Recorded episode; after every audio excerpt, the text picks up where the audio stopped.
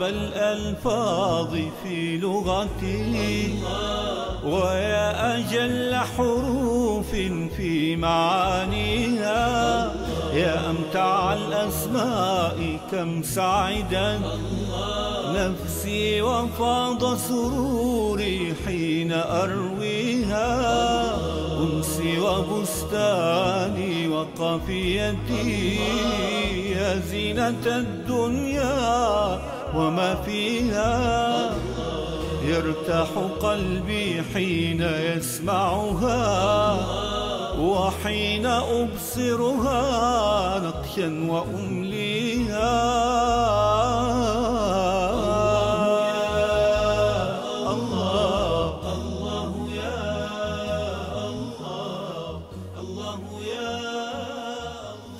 انظر إلى السماوات والأرض.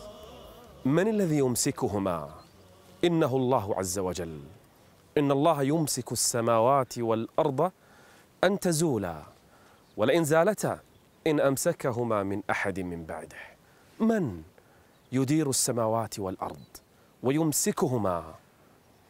القضية ليست بالخيال أعظم حتى من الخيال. إنه الله عز وجل العظيم. العظيم بمخلوقاته العظيمة التي لا تتصور منها ما نبصرها ومنها ما لا نبصرها. يتحدى الخلق أن يخلقوا ذبابة واحدة. لو كل من على الأرض اجتمعوا على أن يخلقوا ذبابة لن يستطيعوا.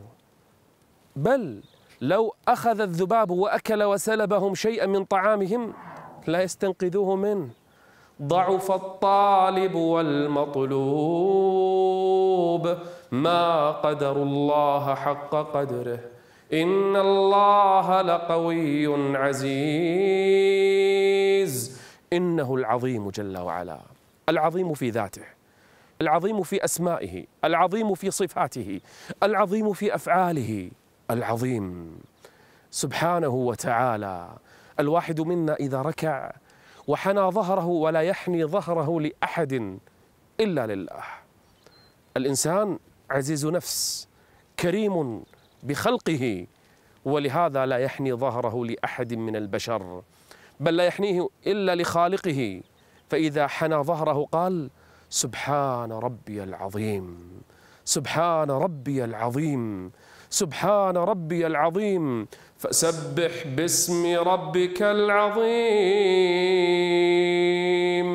إنه العظيم جل جلاله. جعل أعظم آية في القرآن آية الكرسي. وجعل آخرها ولا يؤوده حفظهما وهو العلي العظيم. ليست العبرة بالمعصية أنها صغيرة.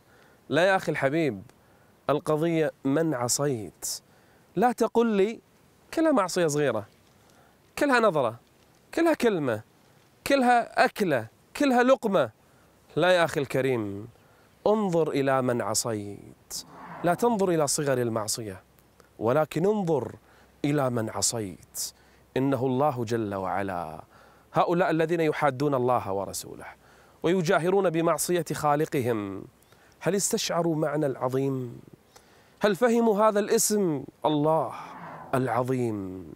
نوح كان يذكر الناس بهذا ويقول لهم ما لكم ما لكم لا ترجون لله وقارا.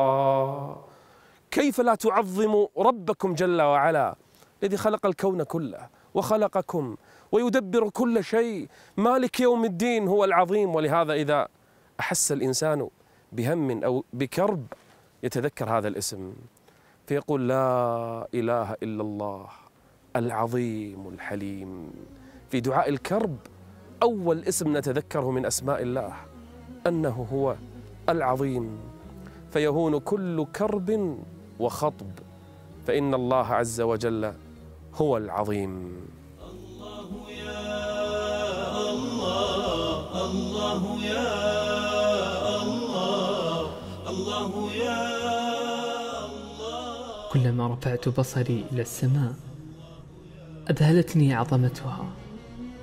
فيرتد بصري فتدهشني عظمة الأرض فأعود أقلب النظر بين عظمة الشمس والقمر والنجوم والسحاب المسخر والمطر والرياح وبين الجبال جدد بيض وحمر مختلف ألوانها وغرابيب سود أتأمل عظمة كل شيء حولي. مخلوقات وأشكال وألوان طير يطير ودابة تزحف وسمكة تسبح وسباع ووحوش وإنسان خلقه أسمعه وأبصره وأضحكه وأبكاه. فسبحانك يا الله ما أعظمك. عظيم لا شيء يعظم عليك. أرغمت أنوف الطغاة. وخفضت رؤوس الظلمة وأهلكت الفراعنة وقصرت الأقاصرة ومزقت الجبابرة ومع هذه العظمة إلا أن رحمتك أعظم. أورثني الإبحار في اسمك العظيم خشوعا وخضوعا واستكانة وتذللا لعظمتك وجبروتك. يا الله بدأت أستشعر في صلاتي كلما حنيت ظهري لك. خضوعا لعظمتك معنى ما أردده ثلاثا سبحان ربي العظيم. أنت ملاذ السائلين وملجأ القاصدين ومجيب دعوة المضطرين. أنت الله أهل العظمة والكبرياء. سبحانك يا عظيم. سبحانك يا عظيم.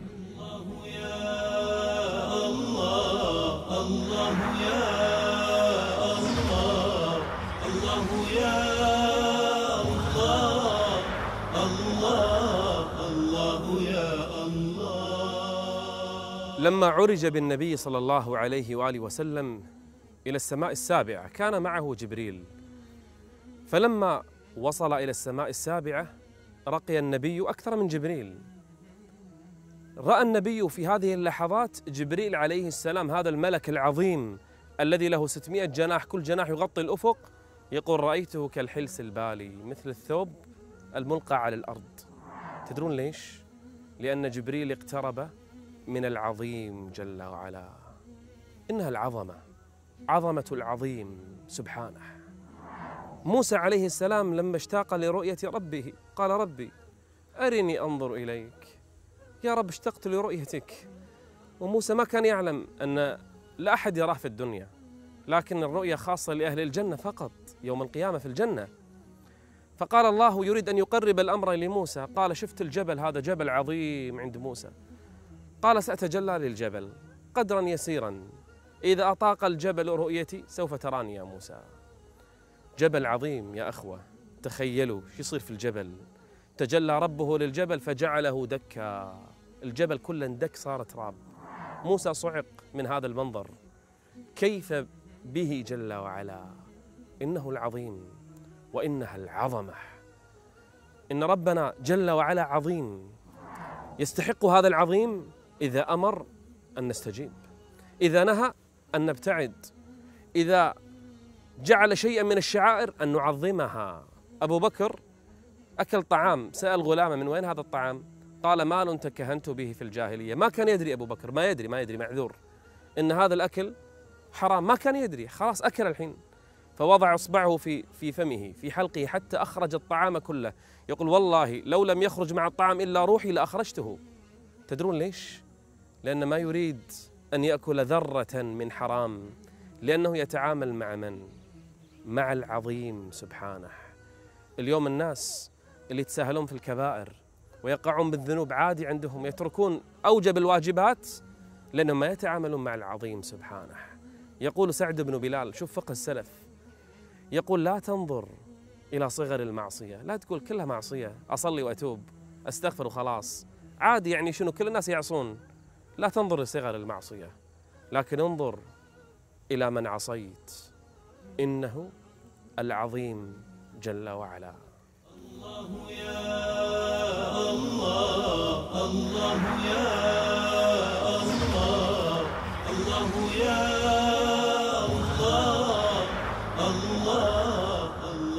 يا الله على كثرة ما يحصل في الأرض من ذنوب. ومعاصي وكفر بالله جل وعلا. أمم تكفر بالله أمم تقع بالشرك أمم تجاهر بالذنوب والمعاصي إلا أن الله عز وجل يمهل هذه الأمم ويتركهم جل وعلا ولا يؤاخذهم بظلمهم لا يعاجلهم بالعقوبة. لما؟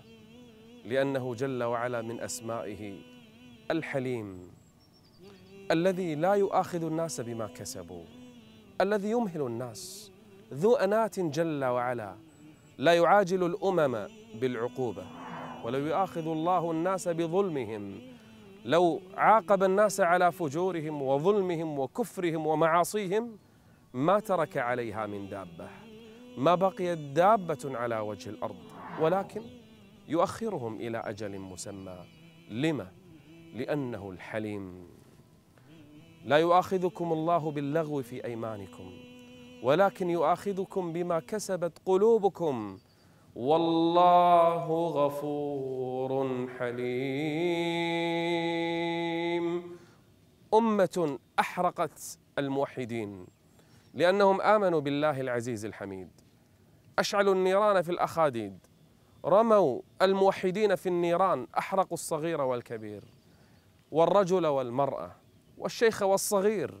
ومع هذا قال الله عز وجل إن الذين فتنوا المؤمنين والمؤمنات ثم لم يتوبوا فلهم عذاب جهنم. إذا تابوا لن يكون لهم عذاب جهنم. يا الله أي حلم من رب العالمين هذا؟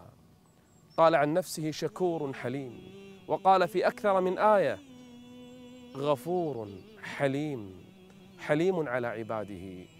يأمر موسى وهارون أن يذهبا إلى فرعون الذي يقول للناس أنا ربكم الأعلى. قال لعله يتذكر أو يخشى. سنوات وهو يفتن المؤمنين والله عز وجل يمهله. لما؟ لأنه الحليم. لكن الحليم يغضب جل وعلا. فإذا غضب فليس كغضبه غضب. فلما آسفونا أغضبونا انتقمنا منهم.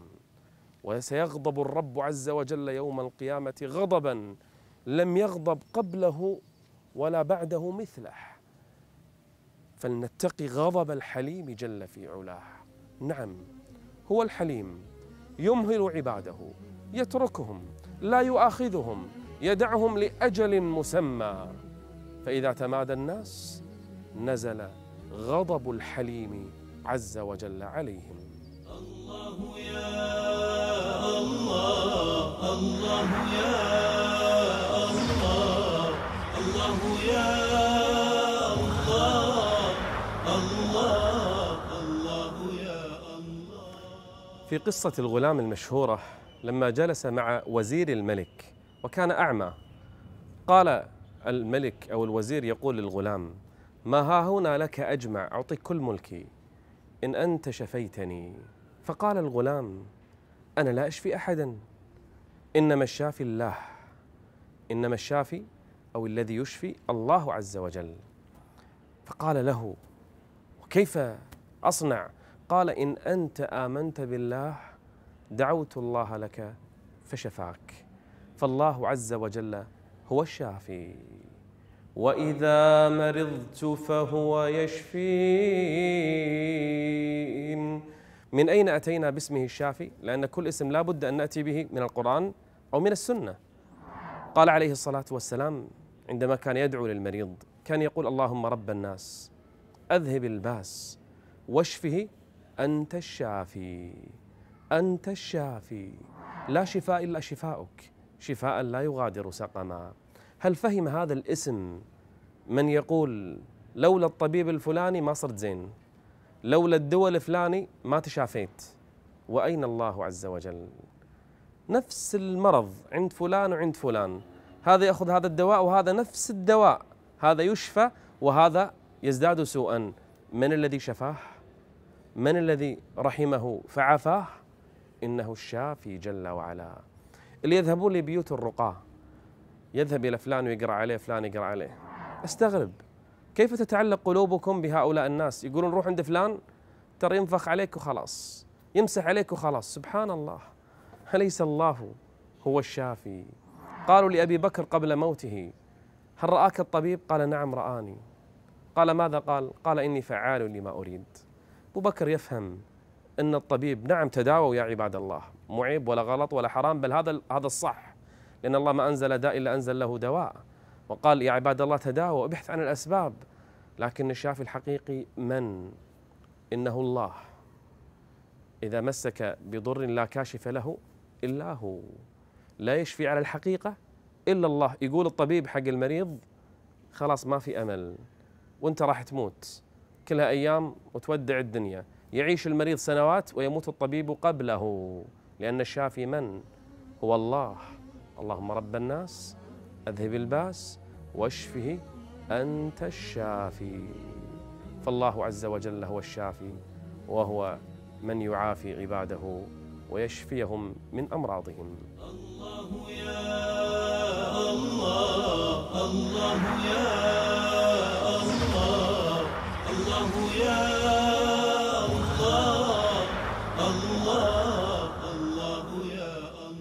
الشكور. يشكر القليل من العمل ويغفر الكثير من الزلل. لا يضيع أجر من أحسن العمل يشكر الشاكرين ويذكر الذاكرين. من تقرب إليه شبرا تقرب إليه ذراعا. من جاء بالحسنة زاد له فيها حسنا. شكر لعبد أزاح غصنا عن طريق المسلمين وغفر لبغي سقت كلبا أكل الثرى عطشا. إنه الشكور سبحانه. يخرج العبد من النار بمثقال ذرة لا ينسى خيرا نساه فاعله. إنه الشكور سبحانه. إن ترك العبد شيئا لله عوضه خيرا منه.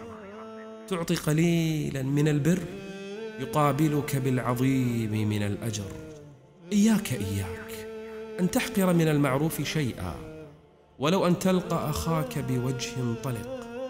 هذا قليل بأعيننا عظيم أجره عند الشكور. فكن عبدا شكورا تأمن عذابه وتنال ثوابه ثم ترقى أعلى الجنان. ثم تكون من القلة في العالمين من الذين وصفهم. فقال وقليل من عبادي الشكور.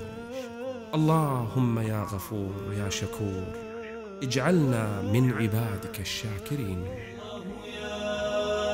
الله الله يا الله الله يا اسم الله عز وجل الشكور.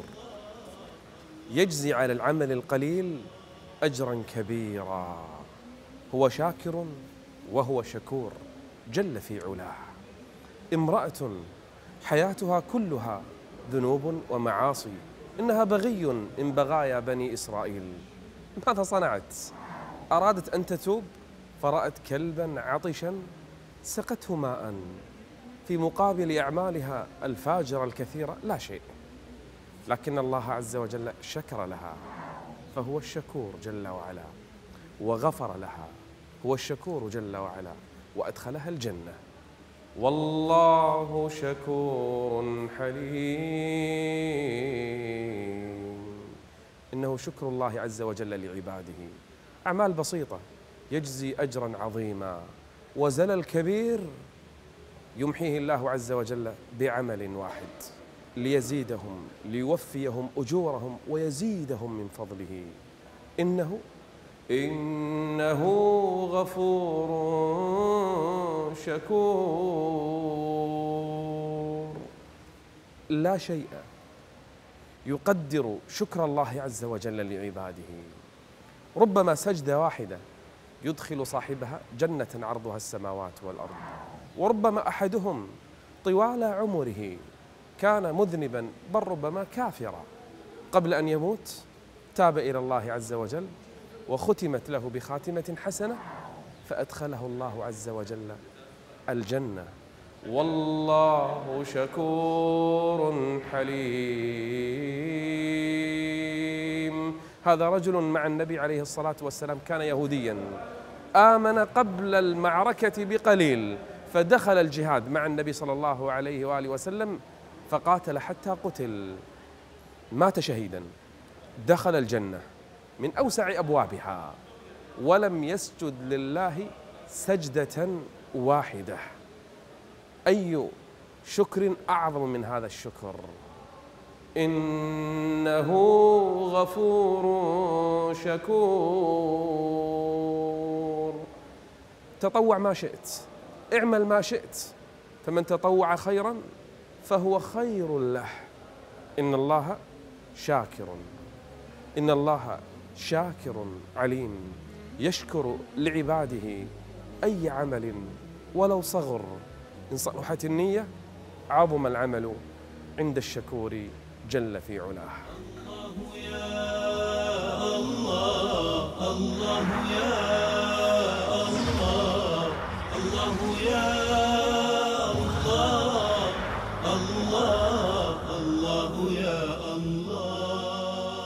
الغريب والعجيب أن الله عز وجل الذي خلق الخلق من العدم وأنشأهم وأنعم عليهم وتفضل عليهم ثم يشكرهم جل وعلا. ومع هذا الخلق الذين أنعم الله عز وجل عليهم ونعمه عليهم لا تعد ولا تحصى أصلا خلقهم من عدم. مع هذا أغلبهم لا يشكر الله عز وجل. شفت شلون غريب؟ أرأيت كيف أن أمر الخلق عجيب؟ إن الله لذو فضل على الناس ولكن أكثر الناس لا يشكرون.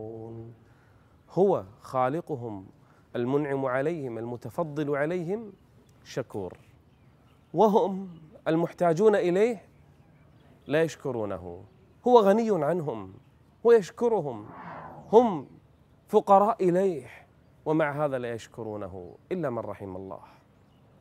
الأنبياء كانوا شاكرين من أكثر الناس شكرا لله. هذا داود عليه السلام وأهل بيته كانوا شاكرين. اعملوا آل داود شكرا وقليل من عبادي الشكور لأنه آمن باسم الله الشكور وبأسمائه الحسنى جل وعلا فظل حياته يشكر الله. كان يصوم يوما ويفطر يوما. كان يقوم ثلث الليل كل ليلة. دخل بلال على النبي عليه الصلاة والسلام وجد رجليه تفطرتا من قيام الليل تشققتا من قيام الليل. قال لم تفعل هذا وقد غفر الله ذنبك؟ قال أفلا أكون عبدا شكورا. الله شكور. ما نقابل شكره؟ بشكر مثله أفلا أكون عبدا شكورا؟ ومع هذا ولكن أكثر الناس لا يشكرون. والله إنه لمن العجب العجاب. كيف يكون الرب شكور وأغلب الناس لا يشكرون؟ من علم أن الله عز وجل شكور وآمن بهذا الاسم وأن الله شاكر عليم لا بد أن يتعود هذه الصفة فيكون شاكرا للمحسنين. ولهذا اللي مو من طبيعته يشكر من أحسن إليه. لما يسوي لك واحد عمل زين قل له شكرا. اشكره. قدم له معروفا. رد له الجميل على الأقل. ادعو له بالثناء. اللي ما يشكر الناس ترى ما يشكر رب الناس. هذه قاعدة. من لا يشكر الناس لا يشكر رب الناس. ولا يشكر الله من لا يشكر الناس. هذه قاعدة. وقال بعضهم أصلا ربنا لا يقبل شكر من لا يشكر من أحسن إليه. فتعود الشكر يا عبد الله. اولا اشكر ربك ثم اشكر من أحسن إليك. رأى أحد الصالحين رجلا بلا يدين ولا رجلين مقطوع اليدين ومقطوع الرجلين جالس على الأرض وهو يشكر الله عز وجل. قال يا هذا على أي شيء تشكره؟ قال ألم يجعل لي لسانا ذاكرا وقلبا خاشعا. وبدنا على البلاء صابرا فكيف لا أشكره؟ إن ربنا لغفور شكور. والله ما أعظم هذا الاسم وما أجمله. الواحد بس يشوف معنى هذا الاسم يرتجف جسمه يوجل قلبه يحبه يستحي منه. كيف يشكرني من أنا أصلا؟ حتى يشكرني فيضاعف لي الحسنات. ويعفو لي عن السيئات. وينعم علي بغير سؤال. أي شكر أعظم من هذا الشكر؟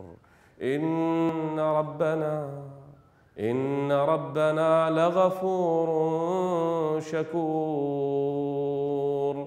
فما أجمل هذا الاسم الشكور والشاكر.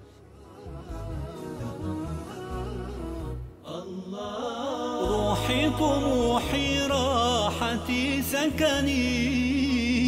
لا أجتني الأنس إلا من مغانيها أجمل ما نتلوه أحسن ما. يروي ضمائرنا طهرا ويسقيها. يا سلوة للقلب يا أملا. يرى المحب أفانينا المنى فيها إن جاءت الدنيا بضائقة فالجأ إليها ففيها ما يجليها.